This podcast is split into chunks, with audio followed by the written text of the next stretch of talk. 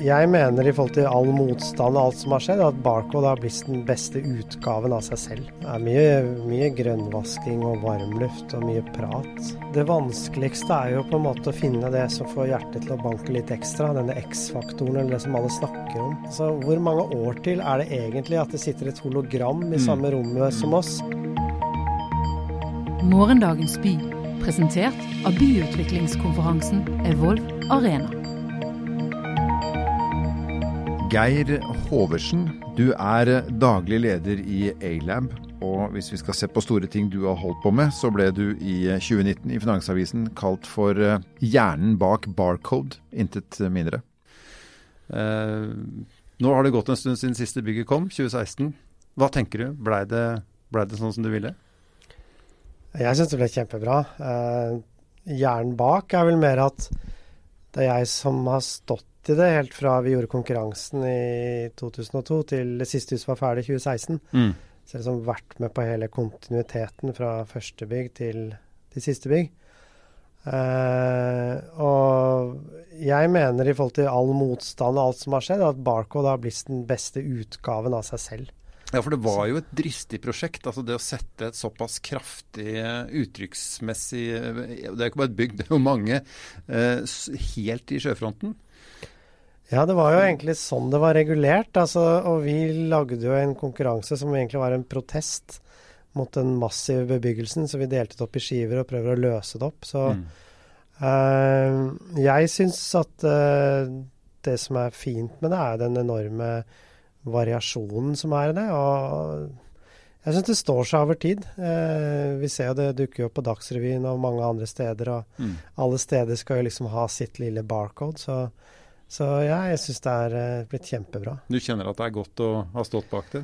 Ja, jeg syns det er uh, hyggelig å gå og vise rundt og fortelle historien.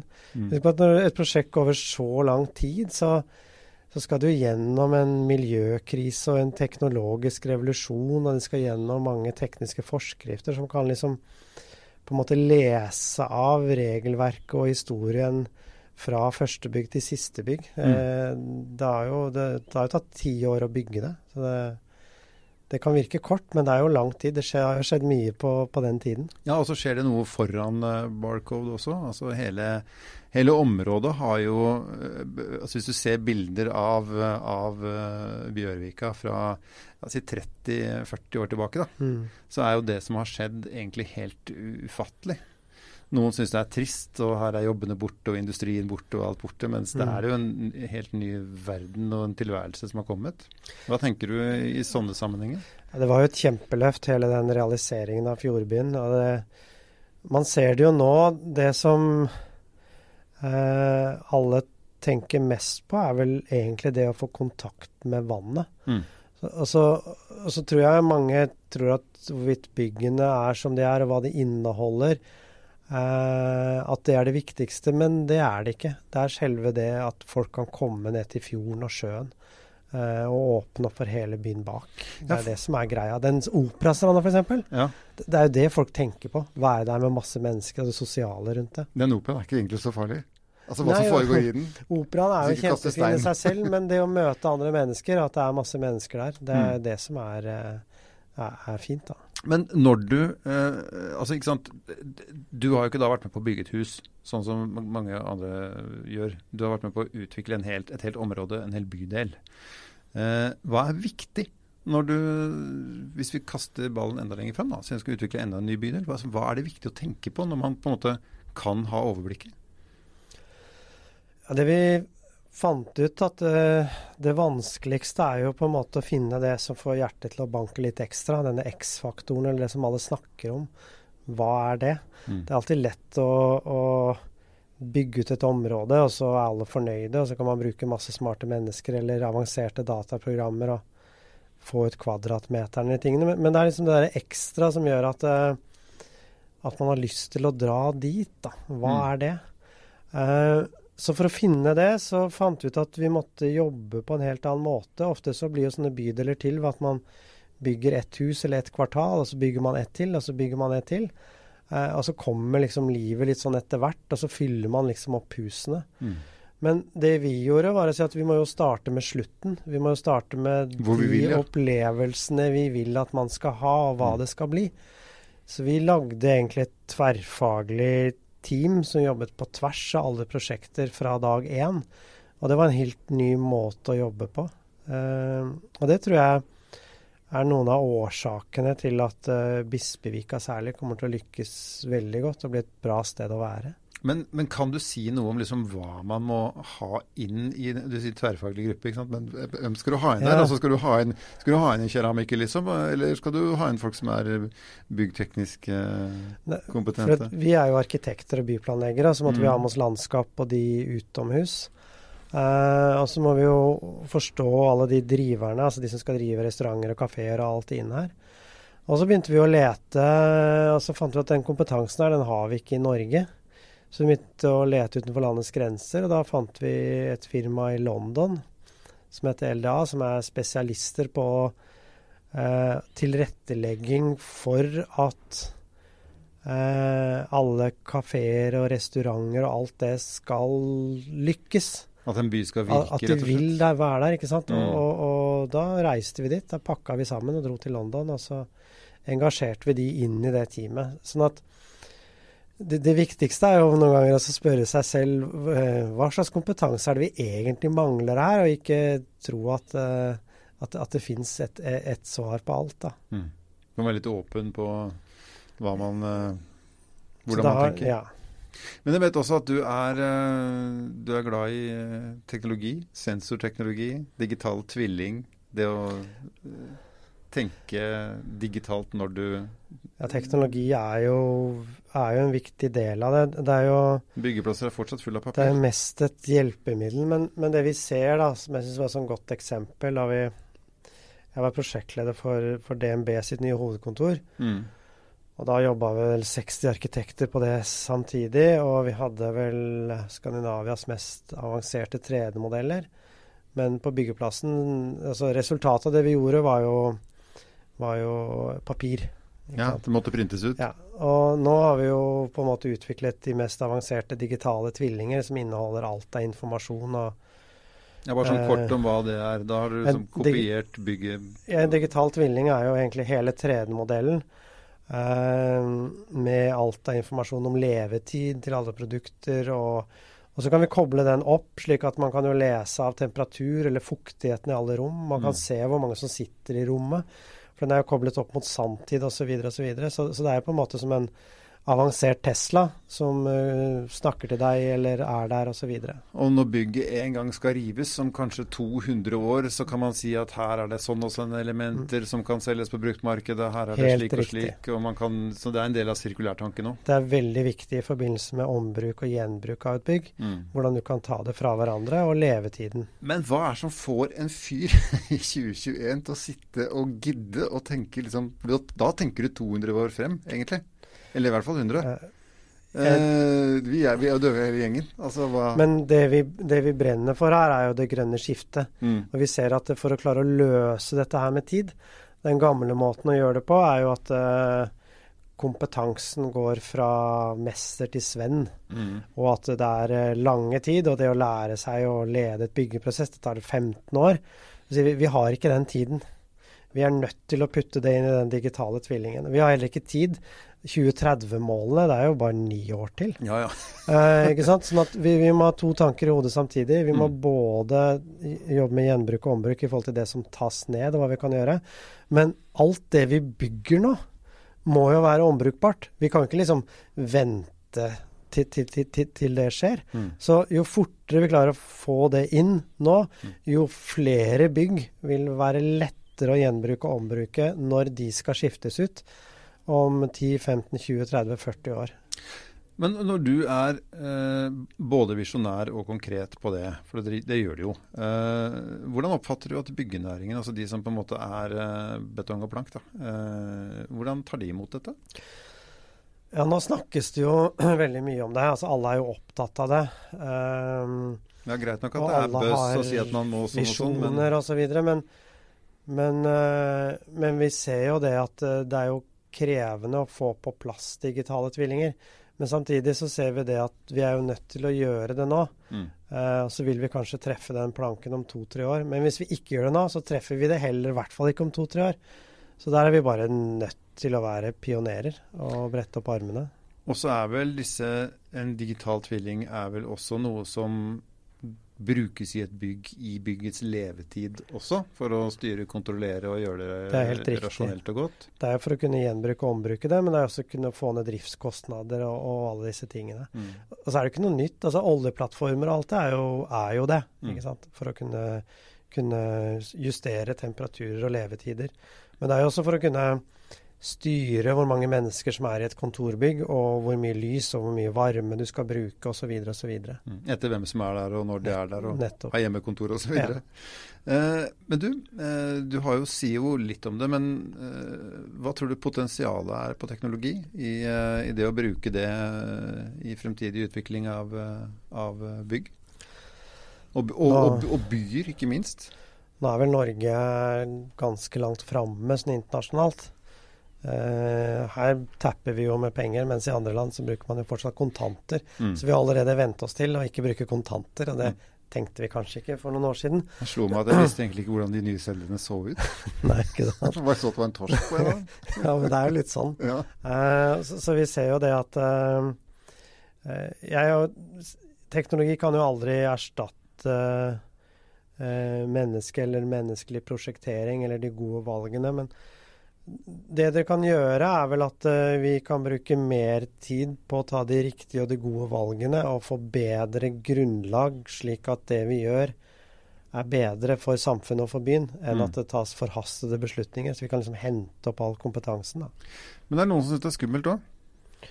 Et, ikke sant? et bygg fullt av sensorer.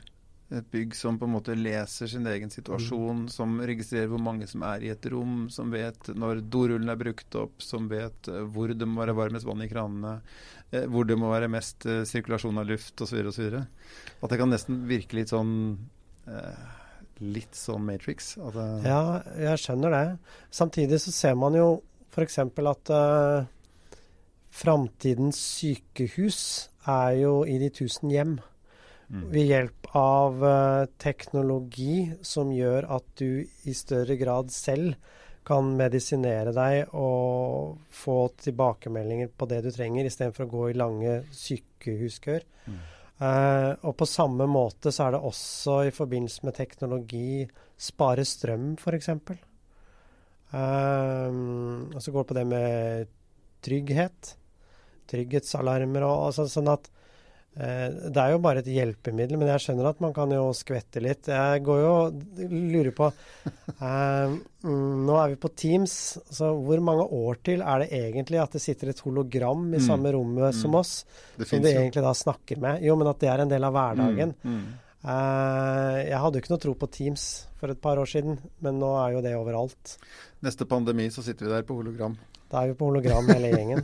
Ja, det tror jeg. Det, Så- det, Sånne ting driver sånn utvikling.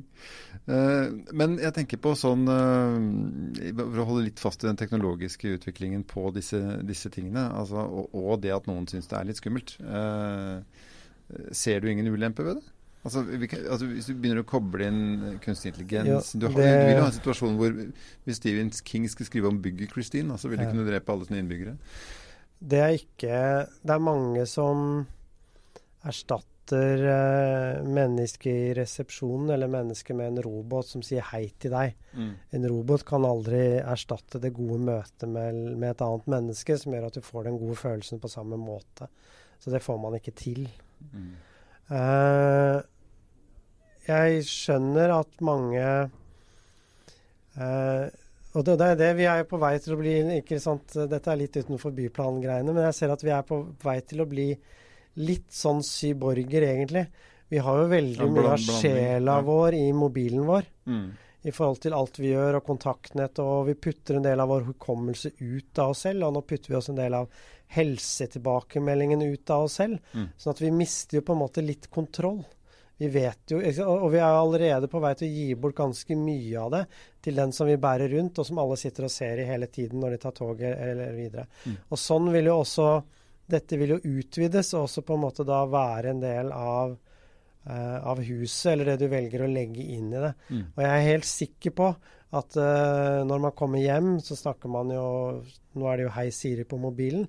Så er det et eller annet når du kommer hjem 'Hei, har dere en god dag?' Og det vi ser på filmer, det blir en del av hverdagen i forhold til teknologi. Mm. Det var en teknologiekspert som sa, en, en svenske, som hadde lært barna sine å være høflig med typer som Siri. Mm.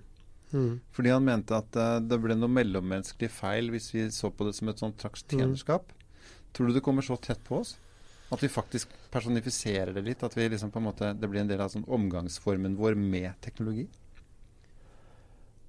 At vi snakker med huset, da. interessant spørsmål. Snakker med huset, ikke sant? Men du vil jo, du vil jo øh, øh, Så kommer jeg hjem og sier 'hei, huset', sier jeg. 'Hei, huset mitt'. Så svarer ja, og så vil du spørre om du har en god dag. Og det vil gi deg en god følelse, da. Vil du ha kaffe? Og fordi at du investerer tid, så vil du jo være med å bygge opp rundt det. Du vil ikke føle Du føler deg kanskje mindre ensom. Mm. For at du føler at det er alltid noen som spør, eller noen som lurer på hvordan du har det.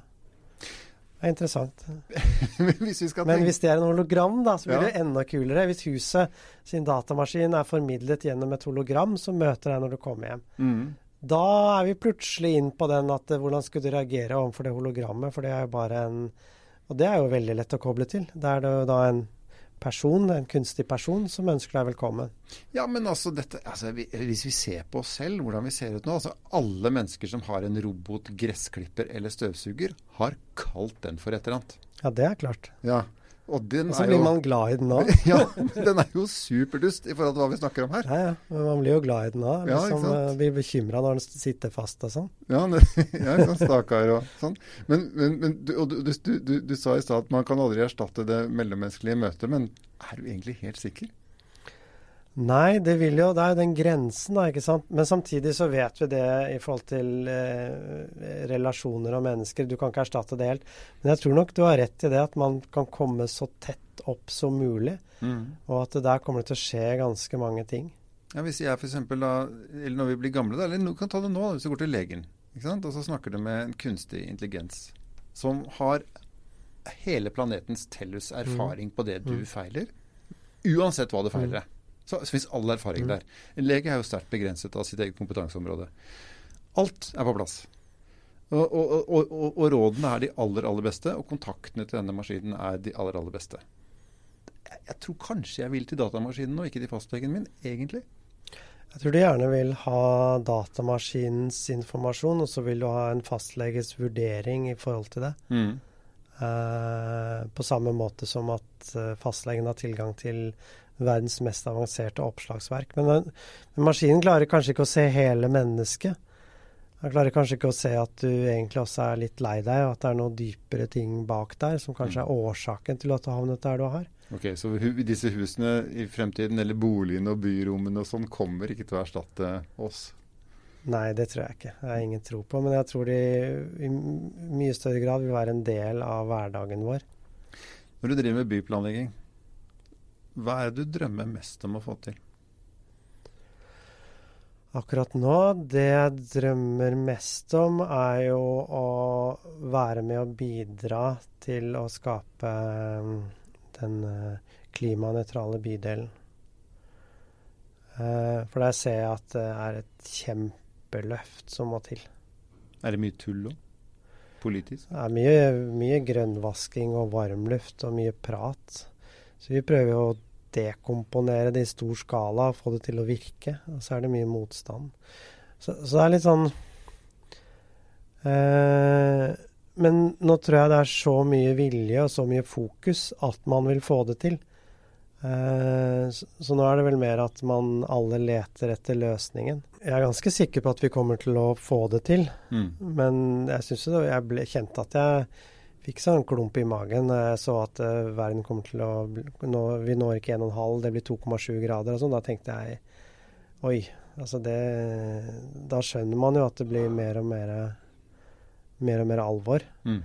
Uh, så det jeg gjør, er jo å jobbe med byplaner i stor skala og prøve å tenke hva må vi hva må vi gjøre nå for at På samme måte som Barcode, det tok ti år å bygge det. Hva må vi gjøre nå for at det skal treffe best mulig om fem år, om ti år, om 15 år? Og ikke bare løpe etter sånne lettvinte løsninger nå, men også finne, finne det som skal til da, i et lengre løp. Og det er litt mer komplisert. Så det vi gjør f.eks. ute på Lilleaker med Musta Eiendom, er at de har engasjert spesialister, og vi registrerer alle bygg og alle materialer av alt som fins. Og så skal man prøve å bygge det man bygger nytt, eh, med så mye gjenbruk som mulig. Men alt som prosjekterer skal også være gjenbrukbart. Så da får du liksom begge deler. Så, så det er jo dit man må, da. Men vi er jo veldig helt i startgropa. Det... Og så ser jeg jo at eh, vi har liksom ikke Vi har ikke tiden på vår side. Og da tenker jeg veldig ofte på Apollo og hele måne månelandingen at de hadde jo ikke teknologien tilgjengelig. De hadde heller ikke gjort det før. Og de hadde heller ikke tid til å klare å sette Men de fikk en bestilling av presidenten sin. Mm. At nå skal, lande, nå skal, vi lande mennesker på månen innenfor den tiden. Og da sa at dette er jo egentlig en umulig oppgave. Og da snudde de seg og så tenkte hva må vi gjøre helt annerledes i måten å tenke på og prosessen på for å lykkes med det? Og da klarte de å finne Da måtte de lage prosessen først. Og det tror jeg også er noe av svaret her. Vi må lage prosessen for morgendagens bærekraftige samfunn, og ikke bare fokusere på enkeltbitene. Du har lyttet til podkasten 'Morgendagens by'. For mer informasjon sjekk evolvarena.com.